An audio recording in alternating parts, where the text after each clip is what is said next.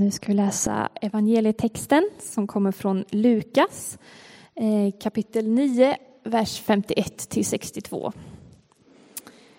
När tiden var inne för hans upptagande till himlen vände han sina steg mot Jerusalem och han skickade budbärare före sig. De gav sig av och gick in i en samarisk by för att förbereda hans ankomst.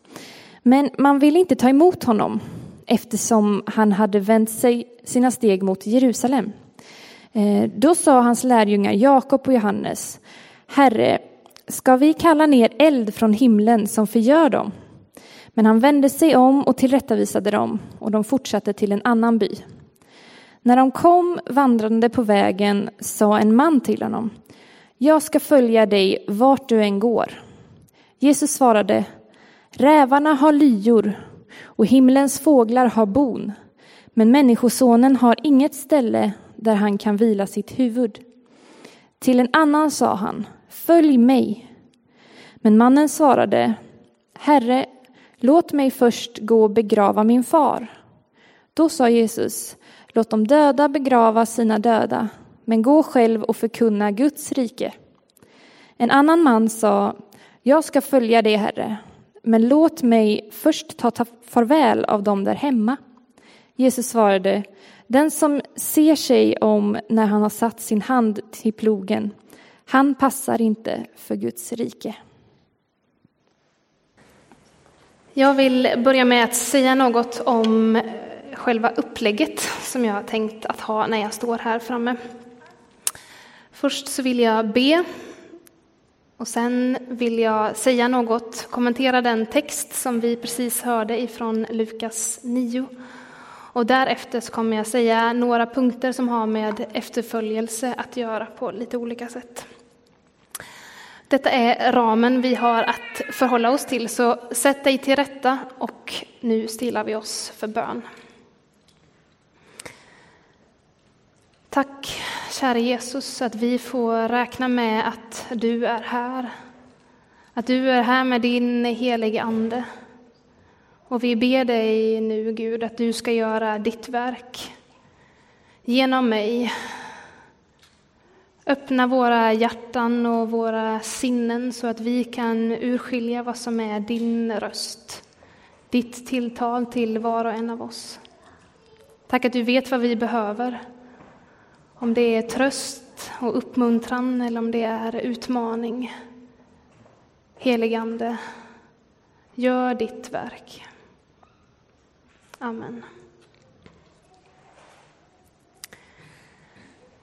Dagens text börjar med en vandring, en resa till Jerusalem. Och den här resan som påbörjas här, den tar inte slut förrän i flera kapitel senare. Men den börjar med, som det står, att Jesus vänder sina steg mot Jerusalem.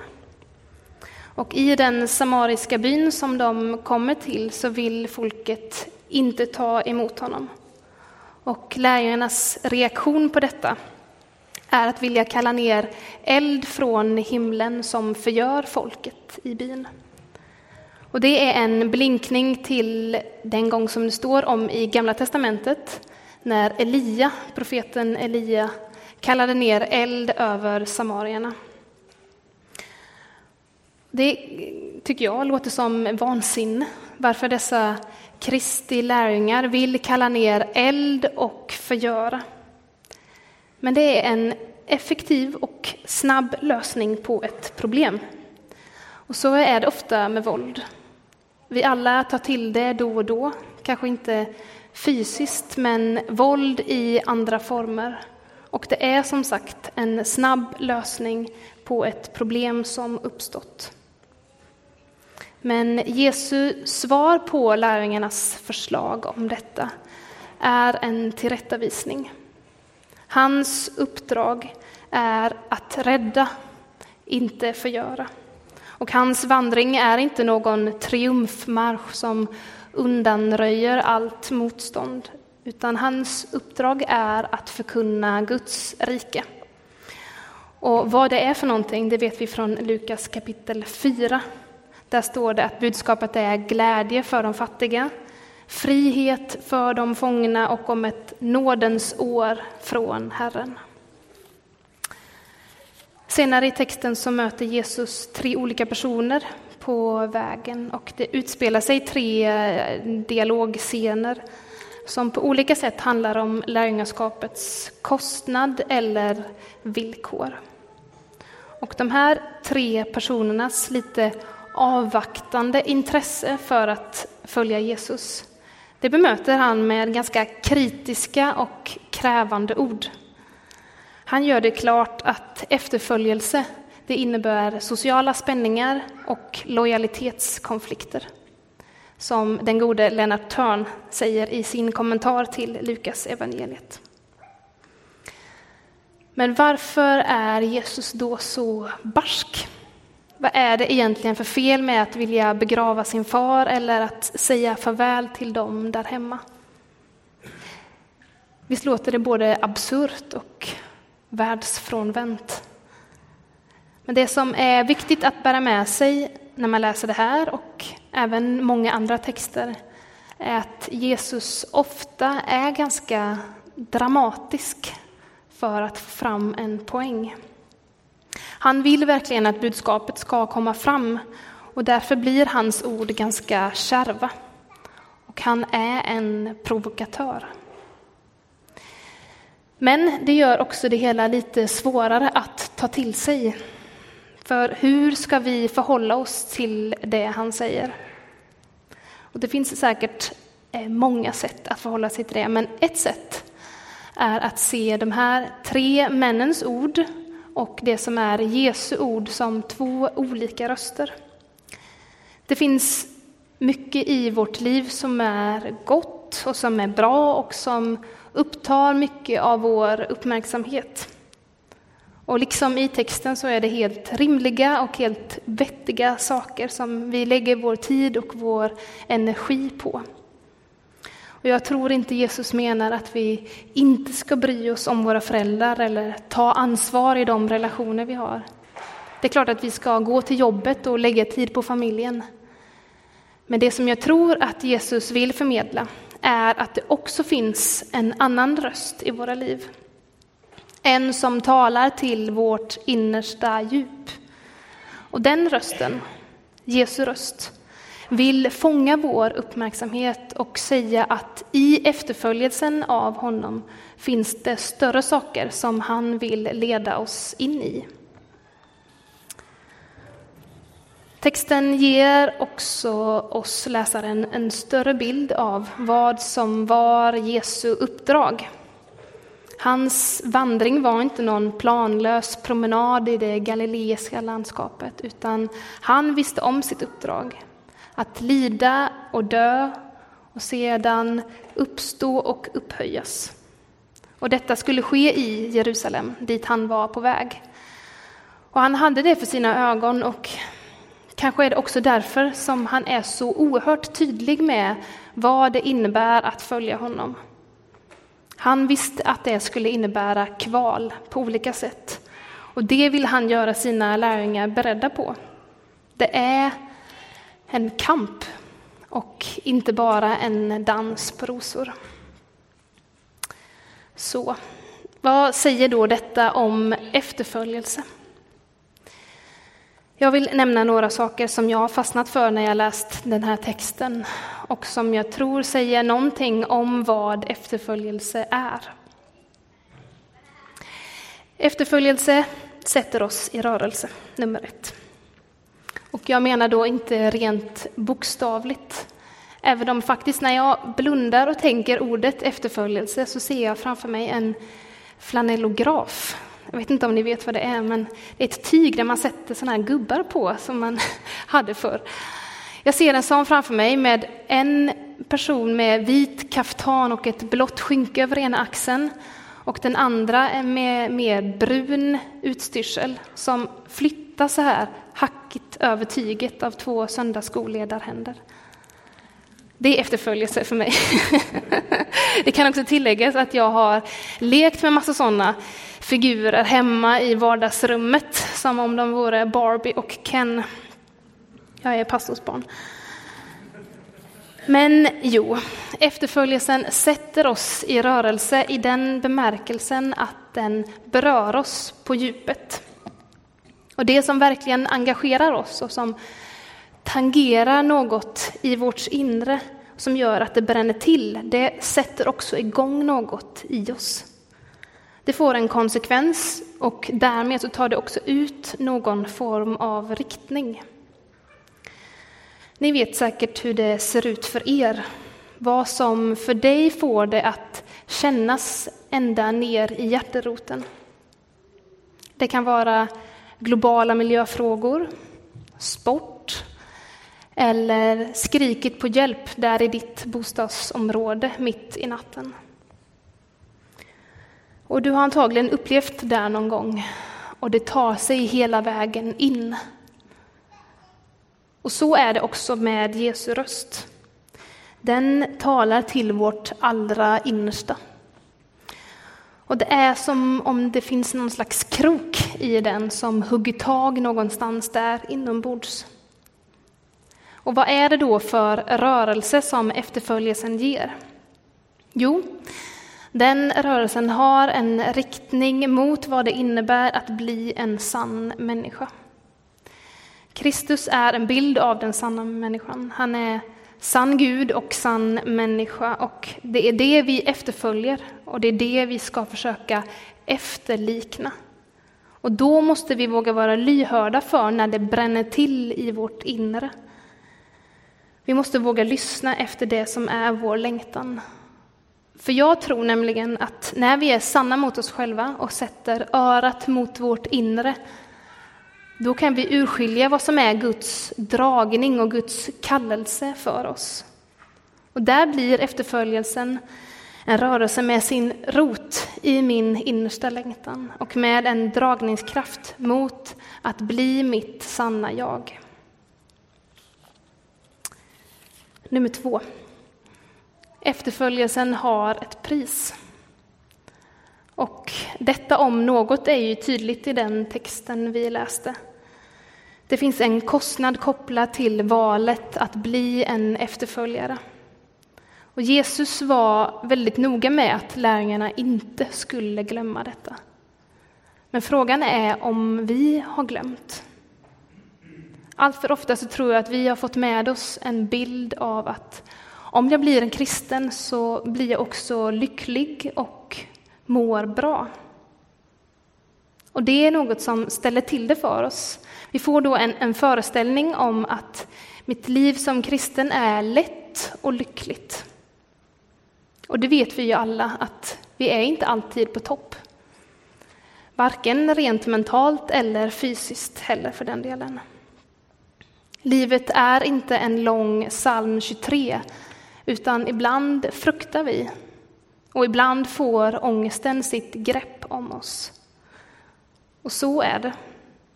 Och vår kristna tro kommer inte att röja undan allt motstånd som finns i det här livet. Och det är inte det det handlar om.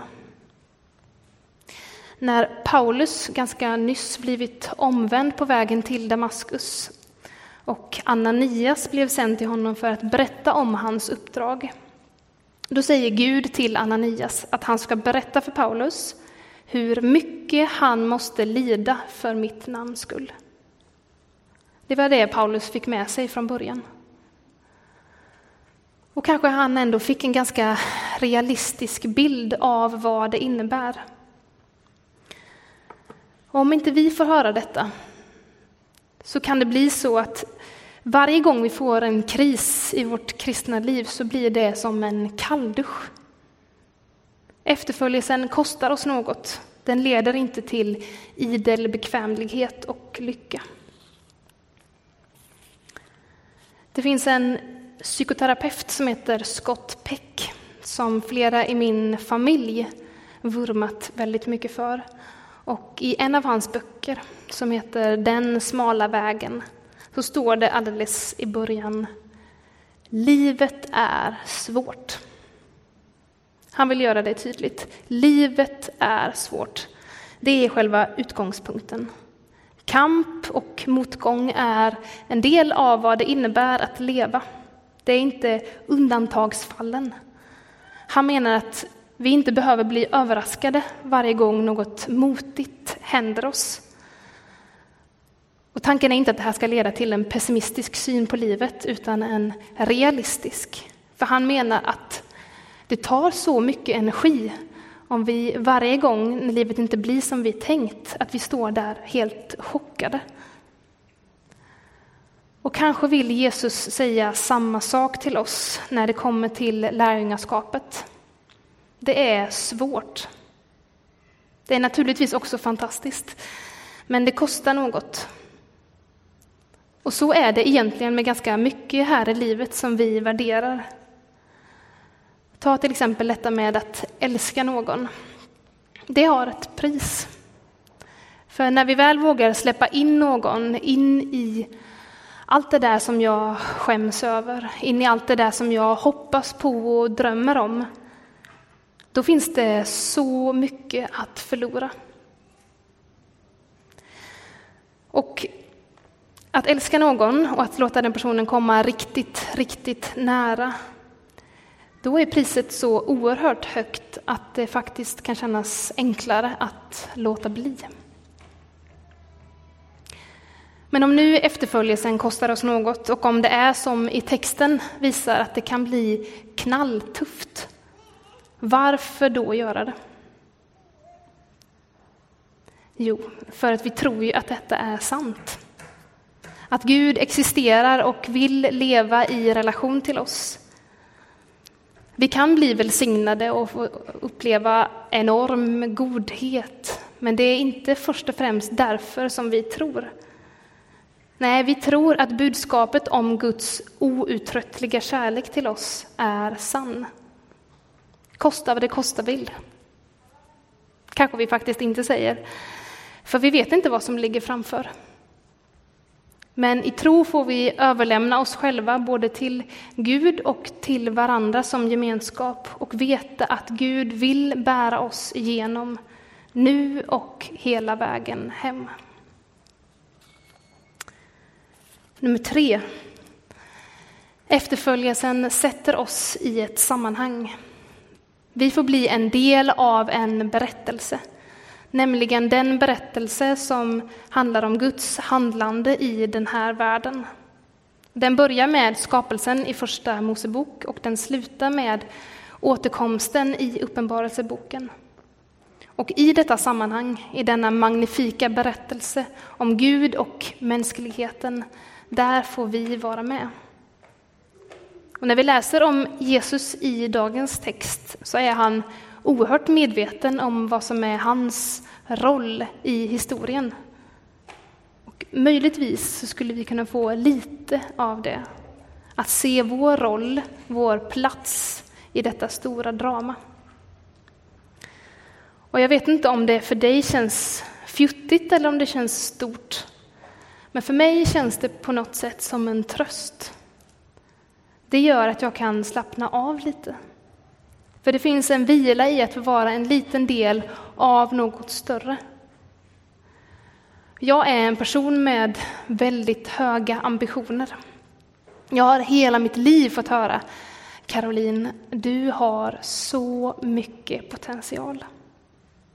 Vilket ju självklart är något fantastiskt. Jag är verkligen lyckligt lottad som har blivit född i en värld där jag har så mycket möjligheter.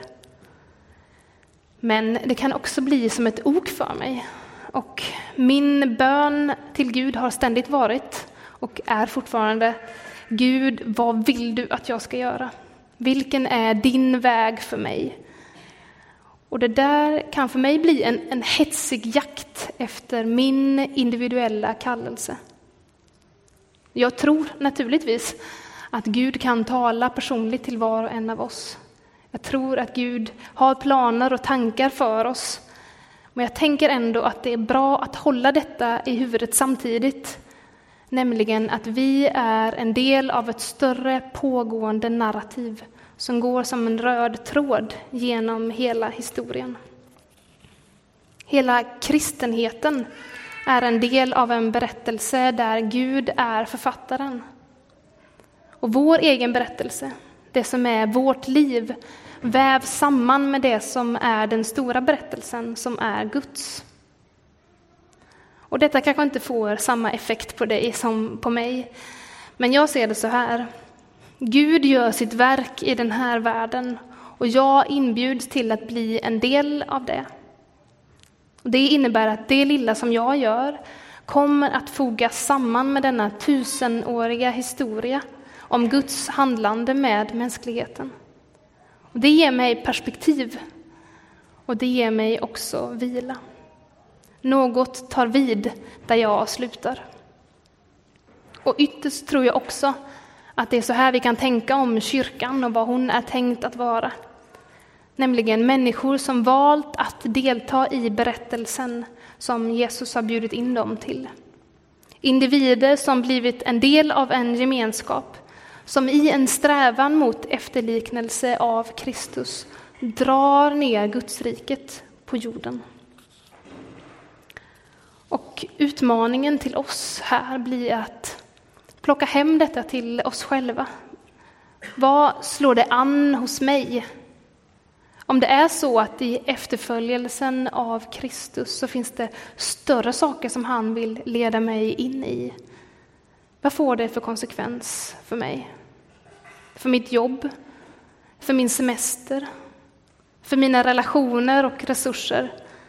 Får det någon riktning? Tala med Gud om det. Och nu tänker jag knyta ihop säcken. Så sammanfattningsvis så sa jag så här. För det första, efterföljelsen sätter oss i rörelse eftersom den hugger tag vid vår innersta längtan, nämligen att bli en sann människa. Två, efterföljelsen har ett pris. Men med den vissheten vågar vi ändå följa för att vi tror att det är sant att Gud har en outtömlig kärlek för oss. Och tre, efterföljelsen placerar oss i ett sammanhang. Våra enskilda liv sätts in i en större berättelse och får en riktning som pekar mot evigheten. Amen.